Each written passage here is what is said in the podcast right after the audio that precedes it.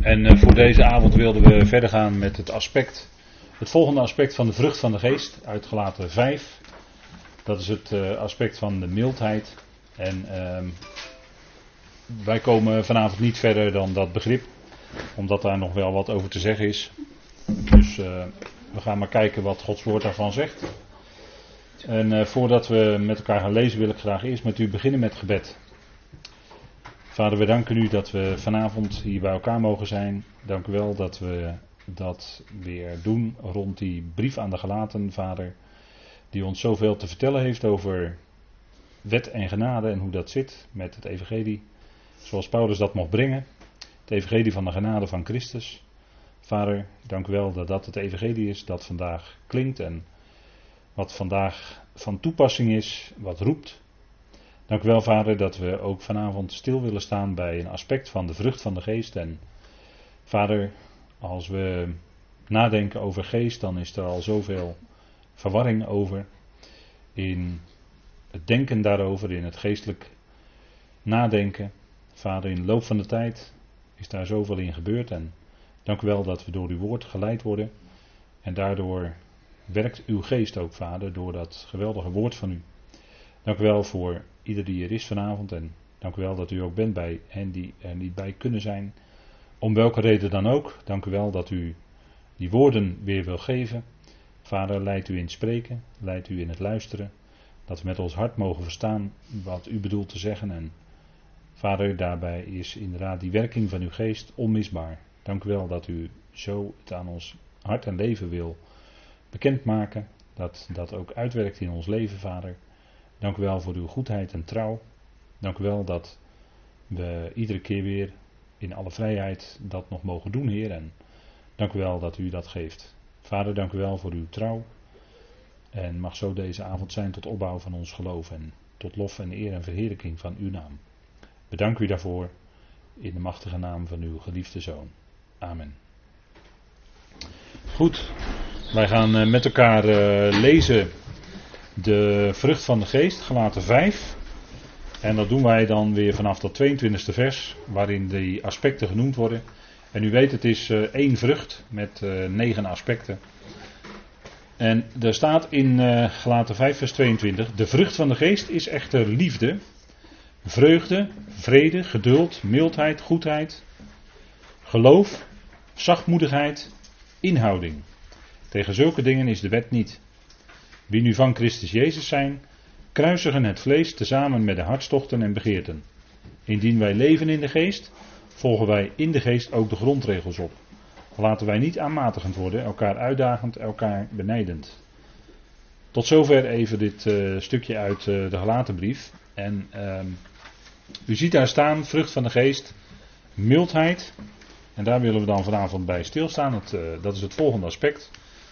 Mildheid is de vrucht van de geest. En mildheid is uh, iets dat, uh, zo blijkt ook uit de schrift, en dat zullen we ook met elkaar gaan zien, zo blijkt het uit de schrift. Mildheid is iets dat ons niet aangeboren is als mensen. Het is uh, een aspect van de geest. Het is dan ook een aspect van God zelf, maar dat zullen we allemaal met elkaar zien. Um, liefde, zou je kunnen zeggen, kenmerkt zich onder andere door een stukje mildheid. En dat staat ook in de schrift, dat zullen we nog allemaal met elkaar gaan zien. Maar die vrucht van de geest, dat is de uitwerking van de werking van de geest van God in ons leven. En die geest, die, ehm, ja, dat is eigenlijk een, uh, ja, het woord geest heeft eigenlijk te maken met wind. De heer Jezus die vergelijkt het met de wind. Hè. De geest of de wind waait waarheen hij wil en je ziet zijn uitwerking, maar de wind op zichzelf is uh, onzichtbaar. En dat geldt ook voor geest. Hè? Geest is onzichtbaar, is onhoorbaar, is voor ons eigenlijk niet op zichzelf genomen waarneembaar. Alleen we zien wel de uitwerking ervan. Hè? Dat uh, blazen is in het Grieks het woord pneo. En uh, de, het woord geest is dan het woord pneuma en het eindigt op ma in het Grieks. En dat wil zeggen dat wijst op het effect van het blazen. Dus je zou kunnen zeggen, wanneer wij tot geloof komen, dan blaast God zijn adem, zijn geest in ons. Uh, dat is een extra toedeling van de geest, want we hebben sowieso de levensadem. Wij ademen elke dag, ik weet niet hoeveel keer. Maar dat is een uitwerking ook van de geest van God. Hè? De geest van de levenden werd bij Adam in zijn neus geblazen. En zo werd Adam tot een levende ziel, staat in Genesis 2, vers 7. En dat leven is altijd verbonden met geest. Ziel is in het bloed. Ik ga er nu niet dieper op in, maar ik noem het maar even om weer even het verschil aan te duiden. Omdat Gods woord, en dat is meer in de praktische uitwerking in ons leven. Gods woord is een scherpsnijdend zwaard. Tweesnijdend, zegt eh, Hebreeën 4, vers 12. En het scheidt van één ziel en geest. En het evangelie wat Paulus brengt is een evangelie wat ons brengt bij de hoogst geestelijke dingen. En daarom is het evangelie van Paulus voor veel mensen ehm, vroeg of laat, misschien vroeg wel enthousiast erover, maar later ook weer niet. Omdat het stuit op geest en bij gelegenheid ook op, eh, omdat het stuit op de ziel, pardon, het stuit op de ziel van de mens en het stuit ook op het vlees van de mens. En daarom ehm, kan het zijn dat de evangelie van Paulus in de eerste aanleg wel enthousiast wordt ontvangen, maar later wordt afgewezen en dat zelfs ook de apostel zelf, dat weet u, niet meer welkom was in de gemeentes die hij zelf had opgebouwd. En dat was ook in de gemeente van Korinthe. En ook daar waar daar was ook een andere geest kennelijk aan het werk, want Paulus zegt in de tweede Korinthebrief, in het 11e hoofdstuk, het vierde vers, daar zegt hij, indien jullie een andersoortige geest ontvangen, en let op het woord andersoortig, dat is in het Grieks heteron, dat betekent anders, maar niet van dezelfde soort. Dus die Corinthiërs die ontvingen een andersoortige geest, en die geest die zorgde ervoor dat eigenlijk ze liever Paulus op een afstand hielden en andere predikers welkom waren. En die andersoortige geest, die waart ook rond. En als we even kijken in uh, de kerkelijke kaart, of moet ik zeggen de gemeentelijke kaart van Nederland, dan zien we daar ontzettend veel kerken en groepen. Niet alleen in gereformeerde zin, maar ook in Pinksterzin. En dat bedoel ik eigenlijk, Pinkster en charismatische gemeentes, die kenmerken zich door een bepaalde lering over de doop in de Heilige Geest. En zij leren dan dat de, heilige, de doop in de Heilige Geest een aparte ervaring is. Let op het woord ervaring, want dat zit in de ziel. Een aparte ervaring is buiten het punt dat je tot geloof komt. Men leert dan, je bent nu wel een gelovige, maar je moet ook nog gedoopt worden in de Heilige Geest. Dat is strijdig met de schrift, want Paulus zegt in 1 Korinthe 12 dat wij in één geest naar binnen één lichaam gedoopt werden. Dus op het moment dat wij tot geloof komen, worden wij gedoopt in de Heilige Geest. Dus de doop in de Heilige Geest is niet een aparte ervaring nadat wij tot geloof zijn gekomen. Maar dat is een bijna onmerkbaar iets wat gebeurt, wat aan ons gebeurt. Dat wordt door God gewerkt en wij worden dan toegevoegd aan het lichaam van Christus op het moment dat wij gedoopt worden in Heilige Geest. Dat is dus niet een bepaalde ervaring, alsof er een of andere elektrische stroom of wat dan ook door je heen gaat, of dat je gaat schudden of weet ik wat er allemaal voor manifestaties zijn. Maar het is een werk van Gods geest, waardoor op het moment dat je tot geloof komt, dat je ja zegt op het evangelie, het evangelie van genade, op dat moment word je gedoopt in Heilige Geest. En als bewijs daarvan hoef je niet te kunnen spreken in tongen, want Paulus zegt in 1 Korinthe 13 dat tongen zouden verstommen. En tongen zouden verstommen op het moment dat het, en dan staat er in uw NBG-vertaling, het volmaakte komt. Maar het volmaakte is eigenlijk de volwassenheid. Hè, dat wordt het Griekse woord teleion gebruikt. En op dat moment dat die brieven van Paulus, die de volwassenen, die geestelijk volwassen zijn, mogelijk maken, waardoor je geestelijk volwassen kunt worden, Efeze, Filippenzen en Colossense, toen die brieven geschreven waren, was er de mogelijkheid voor de gelovigen om geestelijk tot volwassenheid te komen. En op dat moment was het spreken in tongen ook niet meer langer nodig. En daarom zegt Paulus in 1 Corinthië 13 dat tongen zij zullen verstommen. Dus als er nu sprake is van spreken in tongen, dan zijn er twee mogelijkheden. Dan is het of iemand gaat iemand napraten. Hè, zo wordt het wel eens geleerd hè, in tentsamenkomsten. Van praat mij maar na. En als je dan degene die dat zegt napraat, dan kun je spreken in tongen. Maar dat is puur menselijk. Of het is uh, wel een bovennatuurlijke gave en dan weet de betrokkenen zelf vaak niet wat hij zegt. En dan is het een uh, manifestatie van een andere onheilige geest. Die twee mogelijkheden. Maar niet van de geest van God. En um, die Corinthiërs die ontvingen een andersoortige geest. En waar ik het nu over heb, is dus manifestaties van een andersoortige geest. En die doen zich voor binnen allerlei Pinkster- en charismatische kringen. Hè. Dat is het afgelopen eeuw. Is die Pinkster, of moet ik zeggen charismatische golf. Hè. Charisma is het Griekse woord voor genadegaven. Uh, de genadegaven die met die golf meekwamen golven, moet ik zeggen, meekwamen. Waren onder andere spreken in tongen, profeteren, genezingen. Dus allemaal dingen die eigenlijk niet goed controleerbaar zijn. Daar is de tegenstander op gaan zitten. En in de laatste honderd jaar zijn er drie golven geweest. De eerste golf was in 1906 in Los Angeles. Dat, uh, in, de, uh, in de Azusa Street Mission begon dat. En uh, daar werden zogezegd mensen die zich uitstrekten naar de doop in de Heilige Geest, werden ook in Heilige Geest gedoopt. Alleen bleek achteraf niet Heilige Geest te zijn. En toen begon dus de eerste golf, zeg maar, 1906, Los Angeles. En dat waaide over via Scandinavië naar Europa.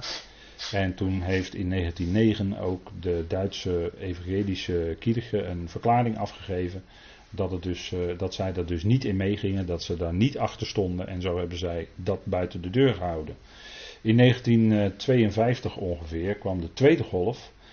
Of 1950, 52 ongeveer. Want toen had je, later had je ook hier in uh, Den Haag op het Malieveld had je de rallies met Osborne, weet u wel. En de ouderen onder, uh, onder u die weten dat misschien nog wel. Nou, dat waren ook manifestaties van die charismatische en pinksterbeweging. En dat was niet de manifestatie van de Heilige Geest van God, maar dat was een andere geest. En dat was de tweede golf. En met name in Amerika is het toen binnen de gevestigde kerken binnengekomen door toedoen van een zekere Demos Shakarian. Let op die naam.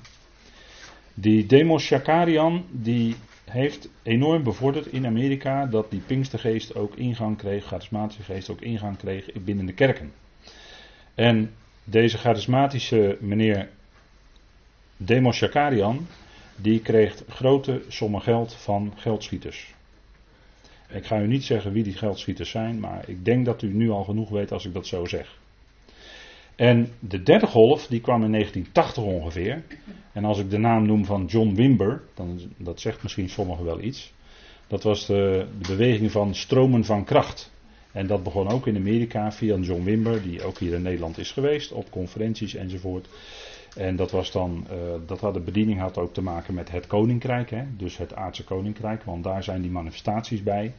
Uh, dat was de derde golf, zeg maar, die kwam. En uh, dat heeft dus geleid in heel veel gemeentes tot uh, splitsingen, scheuringen, oneenigheid, ruzies, uh, uit elkaar gaan en al dat soort zaken. Dan kunt u zien welke geest er aan het werk was. Ja, dus zo is in drie golven, is dus die hele charismatische beweging is helemaal doorgedrongen binnen evangelische gemeentes, binnen kerken, binnen Rooms-Katholieke kerk enzovoort. Dat overschrijdt alle kerkmuren. En steeds zijn manifestaties hetzelfde. Ik zou u er allerlei groepjes en allerlei dingen nog van kunnen noemen. Maar dit zijn de drie hoofdstromen. U kunt het nalezen in een boek van uh, dat niet meer, denk ik, verkrijgbaar is. Misschien nog wel. Als u op internet gaat zoeken door Marijke Ames. Die heeft het boek geschreven met de titel In drie golven. En daar ontleen ik dit in vogelvlucht aan. Maar daar staat het allemaal uitvoerig. Die heeft het uitvoerig onderzocht. Goed onderzocht. En um,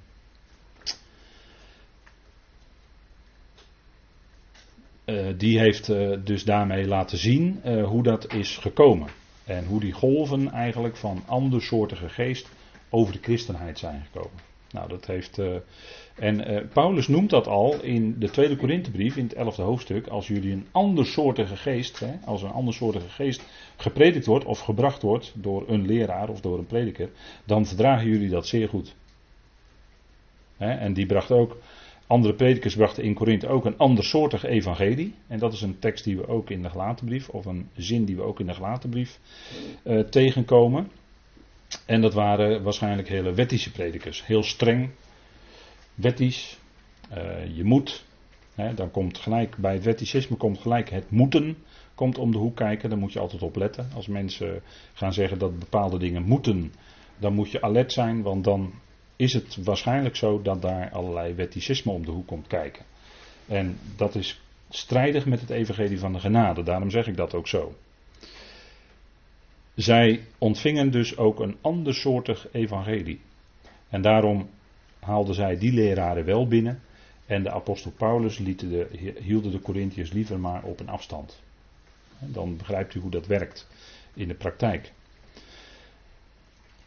Maar wat je dan ziet, als dus die golven komen, en als je daarover leest, als je daar wat meer in verdiept, dan zie je ook dat de uitwerking van die geest is dat er splitsingen komen. Dus dat mensen, omdat ze bepaalde gaven hebben, gaan zich verheffen boven andere gelovigen, omdat zij die gaven wel hebben en die andere gelovigen hebben die gaven niet. En wat dan sterk ondergesneeuwd raakt, daarom vertel ik dit allemaal, is de vrucht van de geest, want die is veel belangrijker. De uitwerking van de geest van God in de vrucht van de geest, in ons leven als gelovigen, is veel belangrijker dan het hebben van de gaven van de geest.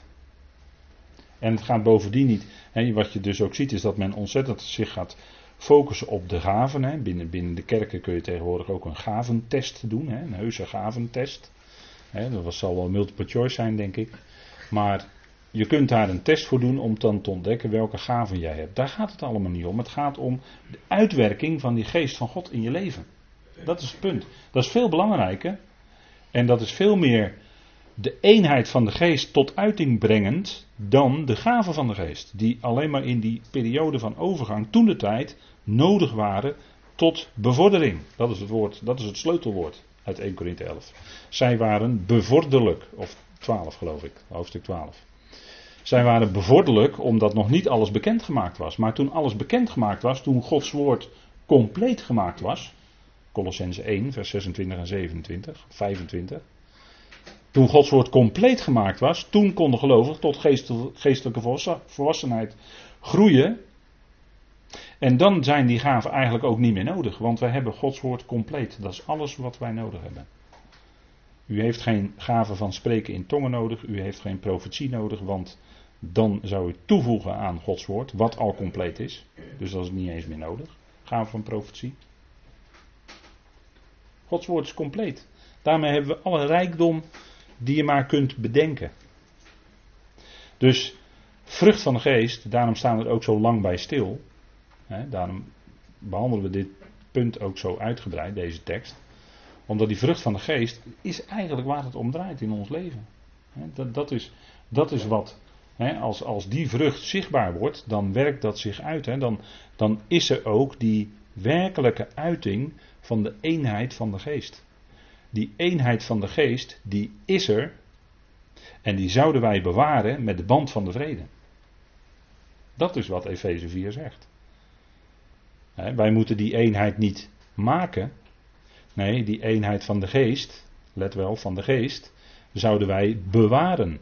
Dat is geen zielse eenheid, maar dat is een geestelijke eenheid. En daar zitten we op een raakvlak, ziels geestelijk. Ziel heeft te maken met bloed. En geest is nu eenmaal het veel hogere aspect. Het gaat om de eenheid van de geest. En daar waar er voortdurend controverse is over het woord, dan zou het kunnen zijn dat er geen eenheid van de geest onder zit. Want die geest van God is ook de geest van de waarheid. En Gods woord is de waarheid. En dat bevestigt zich in je als je Gods woord tot je neemt. Als die waarheid van Gods woord tot je komt, dan beaam je dat van binnen. En dat is niet uit jezelf, maar dat is de geest van God die dat in je werkt. Omdat dat de geest van de waarheid is. En dat is het punt. Dus het is heel goed zaak voor ons om dicht te blijven bij die waarheid, het woord van de waarheid van het evangelie, wat we gehoord hebben en wat ons toevertrouwd is, en daarbij blijven. Erbij blijven staan, zegt Paulus tegen Timotheus. Nou, mildheid is een stukje vrucht van de geest. Het is één grote vrucht en die waait dus uit in negen facetten. En mildheid is die vrucht. Nou, dan beginnen we opnieuw, net als de vorige keer, bij God zelf. En dat is natuurlijk altijd het beste waar je kunt beginnen. Als je gaat nadenken over dit begrip. En vorige keer hebben we ook deze tekst uh, gelezen. En die wil ik dan opnieuw lezen, omdat het volgende facet van die vrucht van de geest ook in deze tekst genoemd wordt. En dat is die gebeurtenis toen Mozes, toen JW voorbij ging, voorbij trok aan Mozes. Hè? En Mozes uh, alleen de nagloed van hem kon zien. Hè? Er staat in de vertaling staat altijd wat anders, maar het is eigenlijk de nagloed die hij mocht zien. En er staat dan in Exodus 34, dat is dat gebeuren op de berg Sinaï. En dat is, zoals Paulus zegt in Galaten 4, vers 25, in Arabië. De berg Sinaï in Arabië, hè, staat in, in eh, Galaten 4, vers 25, dat weet u. Daar was, die, daar was Mozes en daar had hij die ontmoeting met JW. En er staat in Exodus 34, vers 6: Toen JW bij hem voorbij kwam, riep hij: JW, JW, al, al is dan de onderschikker, hè? dat zijn twee Hebreeuwse letters, Alef en Lamet, daar heb ik de vorige keer bij stilgestaan.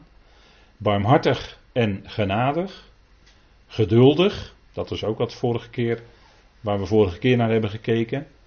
En met veel goede tierenheid en waarheid in, de, in de vertaling staat dan uh, goede tierenheid en trouw, maar eigenlijk staat er waarheid in het Hebreeuws. Dat is het Hebreeuwse woord emet. En mildheid, dat is het aspect van de vrucht van de geest waar we nu bij stilstaan, dat wordt hier van God gezegd. Dat hij veel mildheid heeft. En mildheid is een bekend woord, denk ik wel, voor ons vanuit het Hebreeuws. Dat is het Hebreeuwse woord geset dat zijn de letters Get, Samech en Dalet. En dat begrip dat wordt vaak vertaald in onze vertalingen met goede tierenheid. zo heb ik het ook even hier opgezet. Maar het is eigenlijk, ja, het Hebreeuwse begrip is altijd moeilijk te vangen in één bepaald woord. Je zou kunnen zeggen, het is een, uh, in, in het Engels vertalen ze vaak het woord mercy. Maar uh, het, het, heeft veel meer, het heeft ook veel te maken met mildheid, met um, weldadigheid met goedgunstigheid. Um, ja, dat zijn zo allemaal van die begrippen. Als je nadenkt bij het Hebreeuwse woord, wat daarmee te maken heeft. Kijk, zo is God. Hè, zoals hij zich hier onthult aan Mozes, hè, wat er dan gezegd wordt, wat geroepen wordt eigenlijk. Um, hè, want hij riep, is deze facetten. Barmhartig, genadig, geduldig, met veel goede tierenheid en waarheid. Dus wat God hier zegt over zichzelf, dat is natuurlijk absoluut waar. Dat is de waarheid, want God is de waarheid. Hè? De heer Jezus bad in Johannes 17, uw woord is de waarheid. hij bad voor zijn discipelen, heilig ze in uw waarheid, uw woord is de waarheid. En op dit moment, aan de rechterhand van Vader, bidt hij nog steeds. En ik kan me voorstellen dat de heer Jezus dan moet ik eigenlijk zeggen, Christus Jezus uh, nu voor ons opkomt en pleit voor ons bij de Vader en dat hij dit nog steeds bidt. Maar dan voor, ook voor de gemeente het lichaam van Christus. heilig ze in uw waarheid, uw woord is de waarheid. En dat is wat we zouden zijn als gelovigen. Geheiligd in die waarheid van God. we hebben ontvangen Heilige Geest. En dat heeft alles te maken met waarheid. Zult even met elkaar lezen in Efeze 1. Want dat hebben we toch nodig om ons daardoor steeds te laten zien wat dan Paulus zegt in die volkomenheidsbrief. Hè, daar moet je altijd toch weer bij uitkomen. Het is niet de enige brief die we lezen, maar Efeze, Filippenzen, Colossense zijn wel de brieven waar je eigenlijk de top vindt van wat God wilde onthullen. En dat is iets wat we goed zouden beseffen en daar steeds naar terugkeren, dat nalezen. Dat overwegen in ons hart. En er staat in Efeze 1, vers 13. In hem ook zijn jullie, die het woord van de waarheid horen. Ziet u het? Het woord van de waarheid. Het evangelie van jullie redding. In hem ook zijn jullie die geloven, verzegeld met de geest van de belofte, de heilige. En is nou dat iets van, van onszelf? Is nou dat iets wat wij dat, dat God ons dit gegeven heeft op grond van onze prestatie? Nee, want dat zou onmiddellijk een streep halen door het evangelie van genade. Maar wij zijn, zoals in vers 4 staat, zoals hij ons uitkiest in hem voor de nederwerping van de wereld. Alsjeblieft. Dus hij heeft ons al uitgekozen in Christus voor de nederwerping van de wereld. Nou, dat is ongelooflijk lang geleden. Hè? Dan hebben we het met elkaar over die eerste eon, hè? Eerste tijdperk. Uitgekozen in hem voor de nederwerping van de wereld. Opdat wij heiligen en smetteloos voor zijn aangezicht zijn. Moeten wij er dan zelf voor zorgen dat we heilig en smetteloos zijn? Nee, want Vader ziet ons als heiligen en smettelozen voor zijn aangezicht. Dat staat hier. En hij heeft ons in liefde tevoren bestemd tot het zoonschap door Christus Jezus voor zichzelf. Nou, over diegene hebben we het, dus over u en mij. En wat een enorme dankbaarheid welt dan op in je hart als je deze woorden leest. Dat kan niet anders, hè? En dan staat er in vers 13 dus, jullie die het woord van de waarheid horen. Dus die waarheid is er. God is de waarheid, hè, dat zien we hier. Hij, hij, hij is de bron van alle waarheid. En Paulus heeft dat woord van die waarheid mogen spreken. Dus hier ligt de nadruk op waarheid. Hè? En Paulus sprak dat woord van de waarheid, het evangelie van jullie redding. Het is niet zo dat zij eerst iets moesten doen om gered te worden. Nee, het woord was en het woord is, het goede nieuws van onze redding is, dat wij in Christus geredden zijn.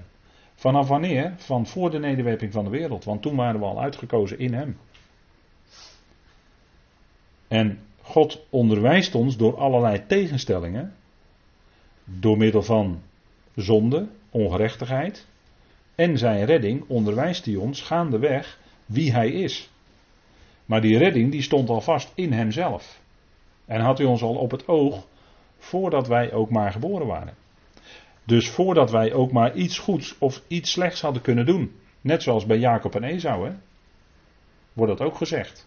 Dat die grotere zouden mindere dienen.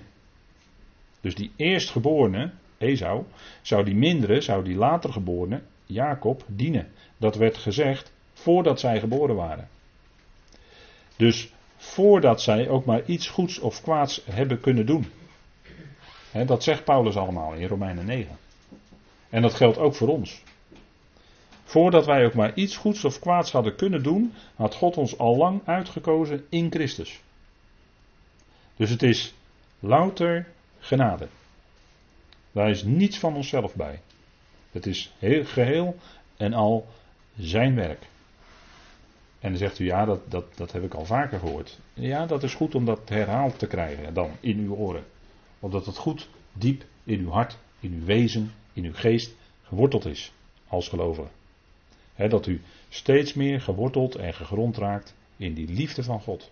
want het is liefde, want dat zegt vers 5, hebben we net gelezen.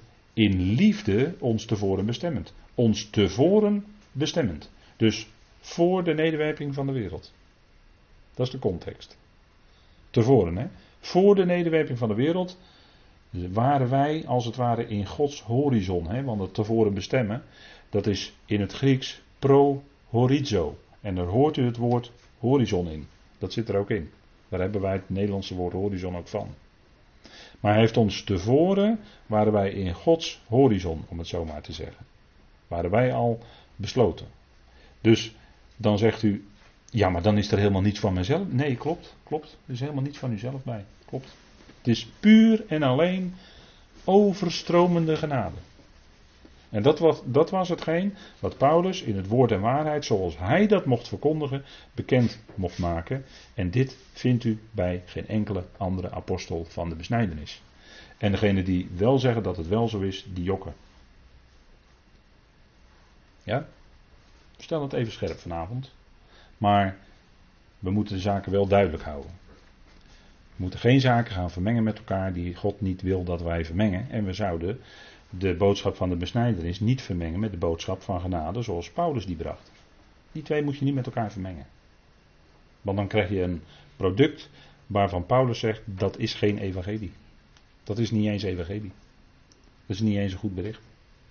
Dat is niet eens goed nieuws. Dat kun je geen evangelie noemen naar de schrift. Dan wijk je af van de waarheid. Zoals Hymenaeus en Philetus dat ook deden. Die weken af van de waarheid, die dwaalden en brachten anderen daarmee ook op een dwaalweg. En dat, die waren ook bezig onder de Corinthiërs. Dat waren dwaalleraren. Die verkondigden een andere Jezus. Een andere Jezus. Hè? Dan wordt niet het woord heteron gebruikt, maar het woord allos in het Grieks. Als het gaat over die andere Jezus. Dan wordt er een Jezus gepredikt die misschien gestorven is voor de, alleen, alleen de uitverkorenen. Of alleen voor degenen die voor hem kiezen tijdens hun leven. Of degenen die hem niet verwerpen in hun leven. Zo'n Jezus, hè? maar dat is niet die Jezus die Paulus verkondigt in het Evangelie. Want die stierf voor allen. En die redt ook allen.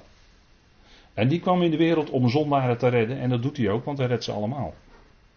en ik denk dat deze dingen, die liggen gewoon heel scherp. En uh, dat is voor ons, omdat ons oor scherp gaat horen. En gaat horen waar het afwijkt. Wie afwijkt. zodat u dat goed hoort want, want het gaat uiteindelijk om die waarheid van God. En nu is het aan de predikers zo en aan de verkondigers. Uh, en bij gelegenheid kunnen we dat allemaal zijn als we met iemand in gesprek raken. Maar wij zouden dan wel die waarheid in liefde verkondigen. De waarheid in liefde verkondigen, dat is heel belangrijk. Je kunt wel met iemand met de waarheid om de oren slaan, met allerlei Bijbelteksten. Maar nou gaat het erom dat je als je in gesprek bent met iemand, dan zou je die waarheid in liefde brengen. Dat is heel belangrijk. Want dat is ook wat het evangelie ademt. Hè? Het evangelie ademt de liefde van God. En uh, dit is wat ik, wat, wat, wat ik ook, een van de vele dingen die ik van broeder nog heb mogen leren, is dit punt, en dat vind ik heel belangrijk, dat wij de waarheid in liefde brengen. Het is geweldig dat we de waarheid mogen kennen, maar laten we die dan doorgeven in liefde. Maar ook wel bij die waarheid blijven staan. Dat is weer de andere kant. Hè? Er kunnen momenten zijn dat je misschien, misschien kan, kunnen er sommige momenten zijn dat je omwille van iets, dat je even niet zegt. Maar dat neemt niet weg dat je niet opzij gaat voor de waarheid van Gods woord en dat je daarbij blijft staan. En op de gelegenheden waarop het aankomt, er ook bij blijft staan. En dat niet uit de weg gaat. Kijk, het punt is, Paulus heeft het over het woord van de waarheid. En een woord is iets wat uitgaat, wat verkondigd moet worden. Dus het is ook niet zo dat wij daar dan maar over zwijgen. Omwille van de lieve vrede. Of omwille van een denkbeeldige eenheid. Nee, die waarheid die moet verkondigd blijven worden.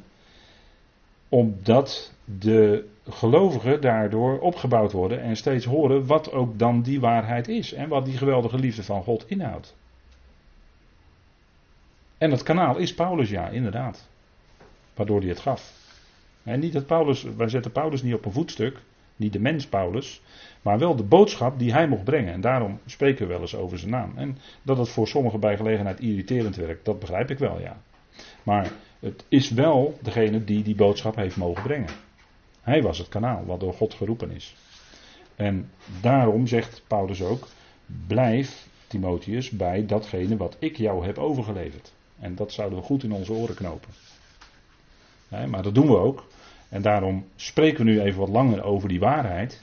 Omdat het een belangrijk punt is. Hè? Dat die waarheid van God, dat die blijft. En dat het blijft klinken ook, vooral. Dat is heel belangrijk. En uh, God die maakt zich hier bekend in zijn mildheid. En dan keren we even terug naar het facet waar we het vanavond over hebben. Dat is mildheid. Nou, God heeft veel mildheid. Een psalm waarin dat uh, bezongen wordt is Psalm 136. En dat wil ik even met u opzoeken. Want dat is een bekende psalm en er wordt maar liefst 26 keer gezegd. Want die psalm heeft 26 versen. Er wordt maar liefst 26 keer gezegd in die Psalm 136 en dat noemt men ook wel uh, het grote Hallel. het kleine Hallel is bekend onder de psalmen 113 tot en met 118. En deze psalm wordt ook wel genoemd het grote Hallel. dat is dan ook mede ter gelegenheid van de uittocht uh, wordt bij bepaalde gelegenheid gezongen. het, het, kleine Hallel is heel bekend dat het bij Pesach gezongen wordt. Maar het grote Hallel heeft daar ook mee te maken. En die psalmen, dat zijn natuurlijk bijzondere liederen. Uh, en er wordt graag en veel over gezongen. Hè. U weet het wel, psalmen voor nu enzovoort. Maar we zouden ons wel bedenken dat die psalmen liederen zijn voor het koninkrijk. En dan bedoel ik het aardse koninkrijk wat komt. Dus die psalmen zijn bestemd voor Israël in de eerste plaats, zeker.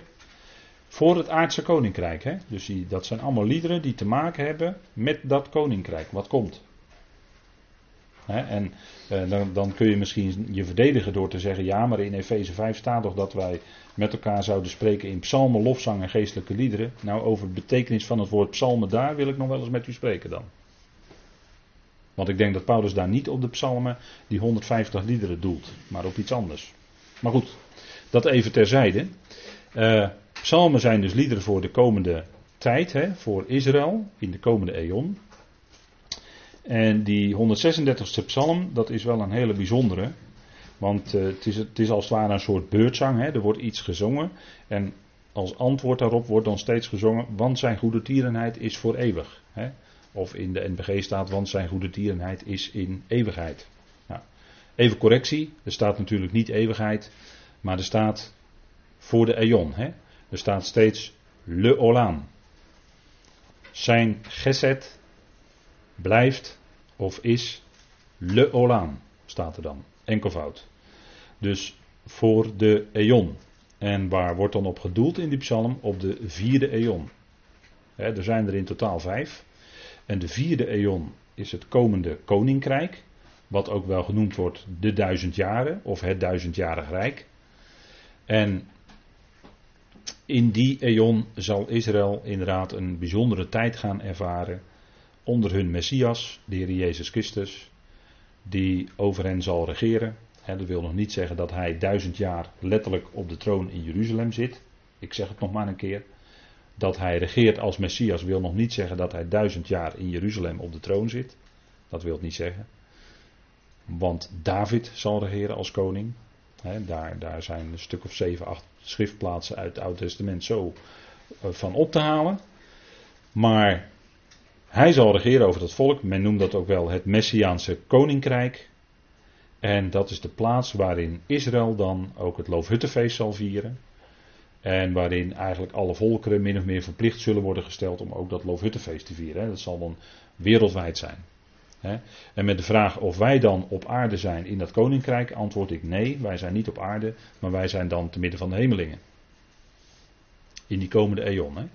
Dus dit lied heeft helemaal te maken, want steeds wordt er dus gezongen, want zijn goede tierenheid is voor eeuwig. Want zijn goede tierenheid is le olam, en wat is dat dan, le olam? Dat is die komende duizend jaar, die olam of die aion van dat aardse koninkrijk. Dat is het koninkrijk van de hemelen wat op aarde zal komen. want het komt uit de hemel. dat is een genitief. En een genitief wijst altijd op de bron, de oorsprong. Genitief. Het koninkrijk van de hemelen komt op aarde. Nou, dit lied heeft daar vooral mee te maken. Dit zal Israël heel veel zingen in die duizend jaar. En dan zal het echt voor hen zijn een psalm voor nu. loof de Heer, want Hij is goed. Staat er dan. eerst wordt er drie keer iets gezegd over God. En dan steeds dat refrein, want zijn geset, zijn mildheid, is in dat koninkrijk. En dat zal ook te merken zijn voor het volk. Dan zullen zij zijn mildheid ervaren. Zijn goedgunstigheid, zijn zegeningen, zijn alles waar hij hun in weldadig zegent. Dat is zijn mildheid. Nou, die liederen, en dan staat er: Loof de God van de goden. Hè. Hij is de, de God die verheven is boven alle anderen. Wat zich eventueel als God zou kunnen manifesteren. En bij dat begrip God of Alueim of Elohim moet u meer denken aan onderschikker. Het begrip Al of Eloa of Elohim is eigenlijk onderschikker. En dat zijn dan de onderschikkers. Bij gelegenheid, en dat is misschien wel verrassend voor u, worden ook de zonen van Israël goden genoemd. Ja, die worden ook goden genoemd. In Psalm 82 staat het bijvoorbeeld, hè? moet u maar eens nalezen. Psalm 82 wordt Israël bij gelegenheid ook goden genoemd. En dat is heel vreemd, lijkt het, Maar het wordt wat minder vreemd als je weet dat het begrip eigenlijk onderschikken betekent. Zij zullen regeren als koning en priesters in dat komende koninkrijk van duizend jaar. En in die zin zijn zij goden, dat wil zeggen onderschikkers voor de andere volkeren. Dus dat, dat even uh, voor uh, uw begrip. Hè. En dan staat er: Looft de Heer der Heren, vers 3. Die grote wonderen doet, hij alleen. En er zijn vandaag aan de dag ook allerlei uh, manifestaties, de zogenaamde tekenen en wonderen. Er worden wonderen gedaan, althans. Er gaan altijd allerlei geruchten dat de mensen dat is altijd binnen de charismatische beweging, weet u wel, denk ik.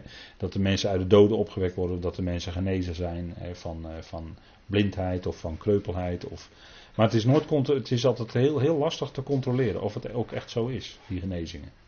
En of die wonderen wel echt waar zijn. en als er nou iemand uit de doden is opgewekt, als ik dat lees hè, in, in allerlei verhalen, doen dan wel eens de ronde zo dan uh, ben ik altijd wat sceptisch, dat begrijpt u. Hè? Want ja, of God, God dat ook doet in deze tijd, doden opwekken. Ik denk het eigenlijk niet. Ik denk het eigenlijk niet. En ja, goed, ik, ik ga er nu niet heel diep op in. Maar uh, als je, als je gaat onderzoeken en je gaat wat verder graven in die verhalen die dan zo de ronde doen, dan hoe dichter je bij de bron komt waar het vandaan komt, hoe moeilijker het wordt, hoe lastiger het wordt om te laten aantonen dat er iemand werkelijk uit de dood is opgewekt. En eigenlijk, voor zover ik weet, is er nog nooit echt een heel duidelijke situatie geweest dat het zo is. Maar goed, die de hemel met die de hemelen staat er hè, eigenlijk in het Hebreeuws, altijd een meervoud. Die de hemelen met inzicht maakte, die de aarde boven het water uitspande.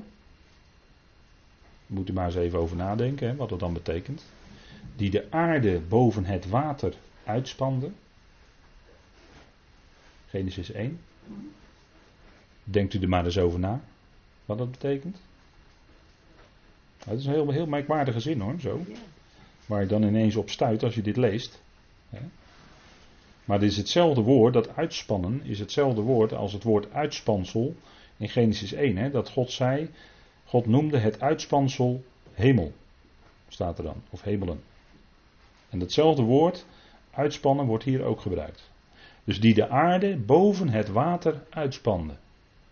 Dat is toch een hele typische manier van zeggen. Hè? Die de grote lichten maakte. De zon tot heerschappij over de dag. De maan en de sterren tot heerschappij over de nacht. hij stelde ze, dat is in de vierde dag, Genesis 1. Tot de zon tot heerschappij over de dag en de maan en de sterren tot heerschappij over de nacht. En toen later was Israël in de strijd. En er wordt hier ook nog even aan gerefereerd, daar komen we straks nog op. Maar toen later was Israël in de strijd met de Amorieten, weet u wel? De Amorieten. En toen uh, was er daar strijd en dat duurde wat langer. En toen zei Jozua, zon staat stil en maan staat stil. En die bleven stilstaan. En met ons huidige natuurkundige model, waarin de aarde heel snel ronddraait als een bol, moet u maar eens bedenken wat voor gevolgen dat dan zou hebben als dat zo is. Maar goed, ik geef het, maar dat is mee ter overweging. Die de Egyptenaren sloeg in hun eerstgeborene. Eigenlijk staat er die Egypte sloeg in hun eerstgeborenen. dus de eerstgeborene in die ene nacht sloeg de Heer de eerstgeborenen van Egypte en daarmee sloeg hij Egypte. En daardoor kwam er een geweldige uittocht tot stand. Dus dit is een terugkijken op de geschiedenis, wat de Heer heeft gedaan. Hè? Hier worden allemaal daden van de Heer in vermeld. En Israël uit hun midden uitleiden met sterke hand en met uitgestrekte arm, die de Schelfzee deelde, staat er eigenlijk, die de Schelfzee of de Rode Zee deelde. En Israël er middendoor deed gaan. Dus hij deelde die Rode Zee, dus hij kwam een pad en hoe dat dan ook maar geweest is. Maar er kwam een pad en Israël ging daardoor. En daarna zorgde hij ervoor dat, dat staat in vers 15, maar de farao met zijn leger in de Schelfzee stortte. Nou, die geweldige daden, die worden natuurlijk ook met de Sederavond met Pesach herdacht, hè, door Israël. dan, uh, dat luidt dan voor Israël altijd de Shabbat in. Hè. En er zijn sommigen die dan dat met Israël meevieren, maar dan denk ik waarom? Want ben jij dan ooit uit Egypte verlost of zo? Of jouw voorvaders zijn die vanuit Egypte verlost of zoiets? Ik denk het niet. Die zijn volk door de woestijn deed gaan, door de woestijn leiden, die de grote koningen versloeg en machtige koningen doodde. Sihon, de koning van de Amorieten. En de Amorieten, dat zijn de praters. Dat, zijn, uh, dat is eigenlijk een geestelijk gezien is dat een uitbeelding van een geestelijke machten. Dat heb ik met uh, de predikatie gezegd over de wapenrusting. heb ik dat heel even kort genoemd. maar zij hadden dus te maken met de Amorieten en wij hebben te maken met geestelijke machten van de boosheid. Waarvoor we die wapenrusting hebben. Die hebben we nodig. Tegen de praters. Want er wordt veel gepraat. Ook in de gemeente. En ik weet niet of dat praten altijd opbouwend is.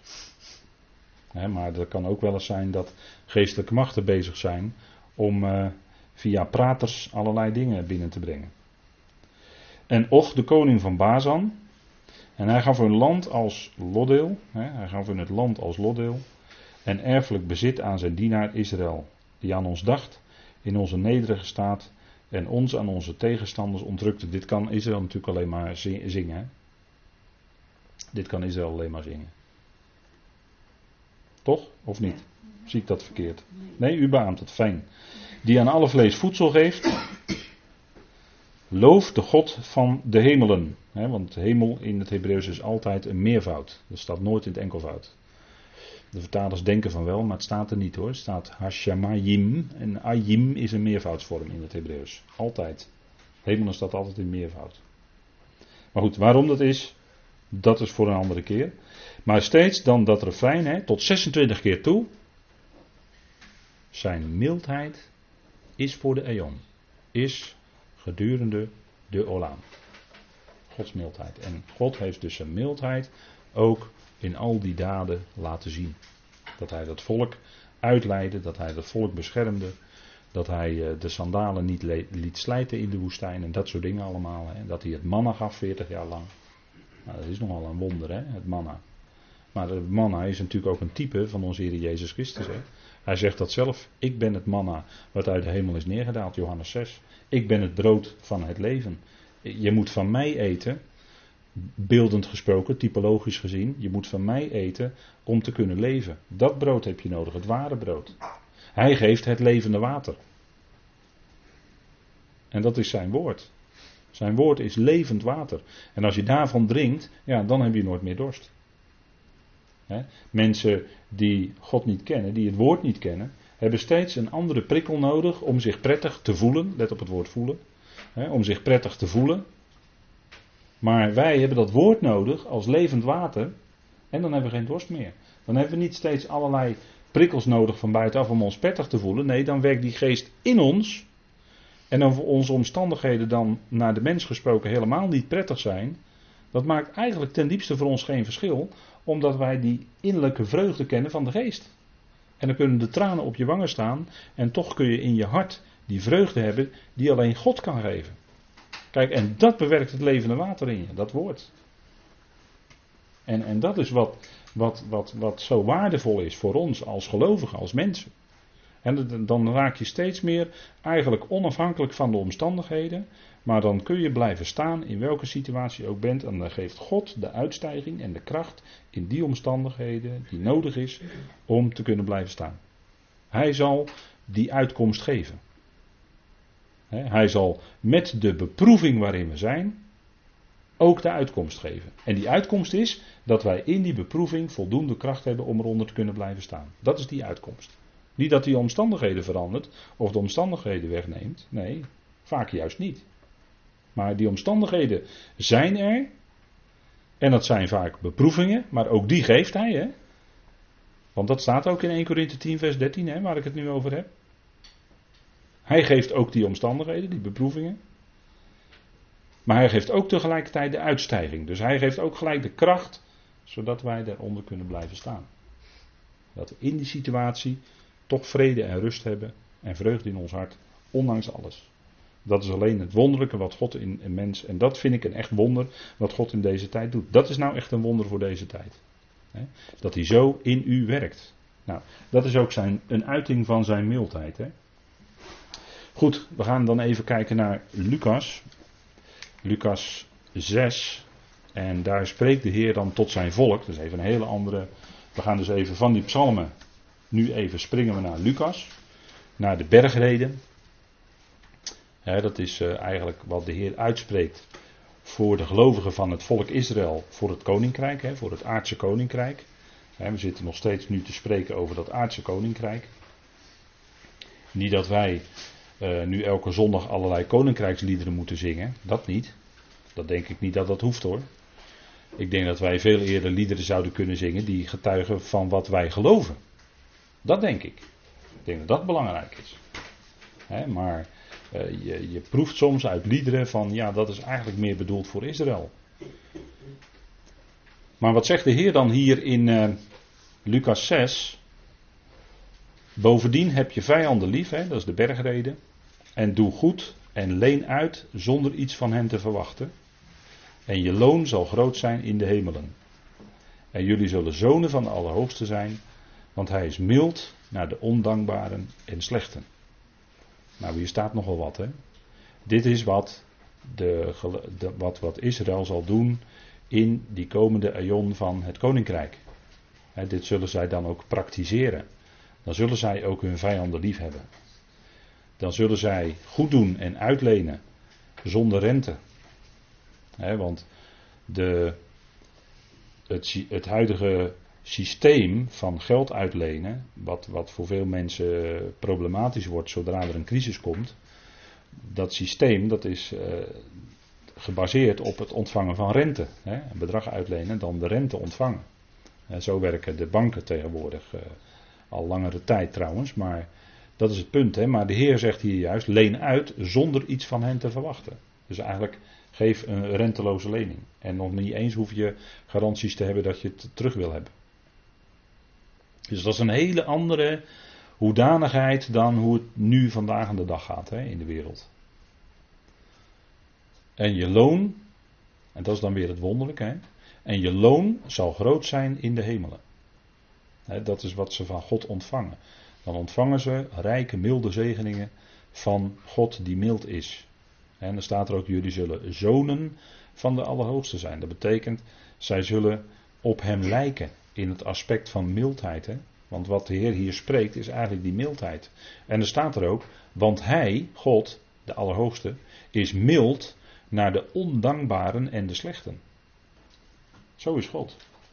De ondankbaren, dat zijn de mensen zonder genade. Die krijgen geen dankwoord over hun lippen. ze ontvangen veel, maar ze, ze, danken er niet voor. En toch is God mild naar de ondankbare en de slechte.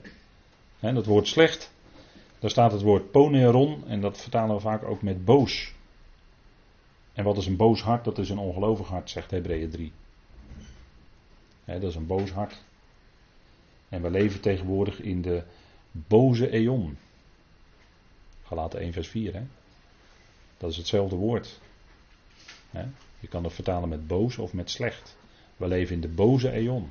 En we hadden het net over die geestelijke wapenrusting, de wapenrusting van God. Nou, dat zijn de geestelijke machten van de boze, van de boze, te midden van de hemelingen. Dan wordt het woord boze ook gebruikt. De hele wereld ligt in het boze. Dat is nog niet helemaal zo, maar we gaan daar dicht naartoe. We zitten daar heel dichtbij. Dat de hele wereld in het boze ligt. Zegt Johannes. Hè? En gelovigen die geloven in, die, die geloven in, in Christus Jezus, die kunnen nog, nog wel in alle vrijheid samenkomsten houden en bij elkaar komen. Nog wel. Dat is een teken dat nog niet de hele wereld echt helemaal in het boze ligt. Maar we zitten er wel heel dichtbij. We zouden daar met, gemakkelijk met elkaar een paar avonden aan kunnen besteden, maar dat zullen we niet doen. Want dan praat je meer over de boze en wat voor invloed die het tegenwoordig heeft. Dus dat is niet zo opbouwend. Daarom doen we dat ook niet. Maar wat wel zo is, is wat we geestelijk constateren, is dat alles steeds meer naar de hand van de boze wordt gezet in deze tijd. En de tegenwerker is vooral geestelijk actief. Hij is vooral actief in het geestelijke bereik. Hij is vooral actief op het gebied van religie. Niet alleen het gebied van politiek, die heeft hij vaak al in zijn handen. in zijn tentakels, hè, via allerlei constructies, zitten zij met handen en voeten gebonden aan het systeem, om het zo maar te zeggen. Maar hij is vooral bezig in het religieuze bereik, in het geestelijke bereik. Vooral onder gelovigen is de boze actief om ze uit elkaar te spelen, om verwarring te zaaien, om te misleiden, om ze op een dwaalspoor te zetten. En ze doen afwijken van het evangelie wat Paulus verkondigt. Maar het punt is, wat de Heer Jezus hier zegt, hè, als we het hebben over mildheid, God is mild.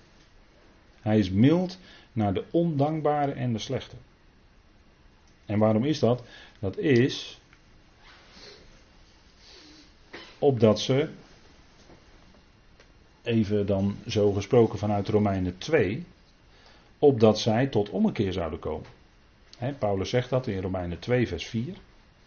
dan, dan, spreekt hij over het rechtvaardige gericht van God. dat God een rechtvaardig gericht zal doen komen. En wij weten dat dat is bij de grote witte troon. Daar zullen wij niet komen. Maar wij komen bij de Bema. Wij komen niet voor de grote witte troon. Maar dan spreekt hij over het rechtvaardige gericht. En dat God een rechtvaardig gericht zal houden over de werken van de mens. En dan zegt Paulus in dat verband, als hij daarover heeft in Romeinen 2, of verachten jullie de rijkdom van zijn mildheid? Verachten jullie de rijkdom van zijn mildheid? Zijn mildheid. En, en als Paulus dan, dat, dat lees je wel eens in handelingen, als Paulus dan spreekt, dan spreekt hij over God die mild is, die uh, regen geeft, die vruchtbare tijden geeft, die uh, vrucht geeft op het land en waardoor de mensen kunnen eten, eh, waardoor de mensen gezegend worden. Dat is de mildheid van God. Daar spreekt hij over. En dit, dit, daar bedoelt hij mede hier. Hè? Of verachten jullie de rijkdom van zijn mildheid, draagkracht en geduld? We hebben de vorige keer stilgestaan bij het geduld van God. Hè? Dat hij met veel geduld draagt de instrumenten van verontwaardiging. De oneervolle instrumenten, die draagt hij met veel geduld, staat er in Romeinen 9, vers 22. En, en dat zouden we goed beseffen dat, dat God ook die instrumenten in zijn plan nodig heeft om tot zijn einddoel te kunnen komen. Nou, wij die instrumenten tot zijn eer mogen zijn, laten wij dan geduld oefenen ook met die anderen. En ook zijn mildheid, hè, want mildheid is ook een stukje vrucht van de geest. dat het milde van God jullie tot nadenken leidt. Ik heb het hier vertaald met nadenken. Hè. Het, het, Griekse begrip metanoia betekent eigenlijk uh, het wordt vaak vertaald met bekering, maar het is meer gaan nadenken, want het noia heeft te maken met de noes, met de denkzin. Dus het is eerst gaan nadenken en daardoor dat er een ommekeer in het leven tot stand komt. Maar dat begint bij het veranderen van de gedachten. En als die gedachten veranderd kunnen worden, en dat weet de, dat weet de, de andere kant om het zo maar te zeggen heel erg goed, dat je eerst de gedachten van de mensen moet veranderen en dat je daarna het gedrag van de mensen kan veranderen dus je brengt ze eerst een bepaalde gedachte of een bepaald iets. Breng je onder de aandacht en breng je steeds meer onder de mensen, zodat de mensen dat gaan geloven, ook al is het niet waar. Maar zodat de mensen dat gaan geloven. En dan gaan die mensen zich ook anders gedragen. En dat is de bedoeling. Dat is de bedoeling. Zo werkt het in de wereld. Daar, bom, daarmee bombardeert de media ons dag aan dag. Dat nadenken, en daarvoor zouden wij de schrift in ons laten komen, dat woord van de waarheid.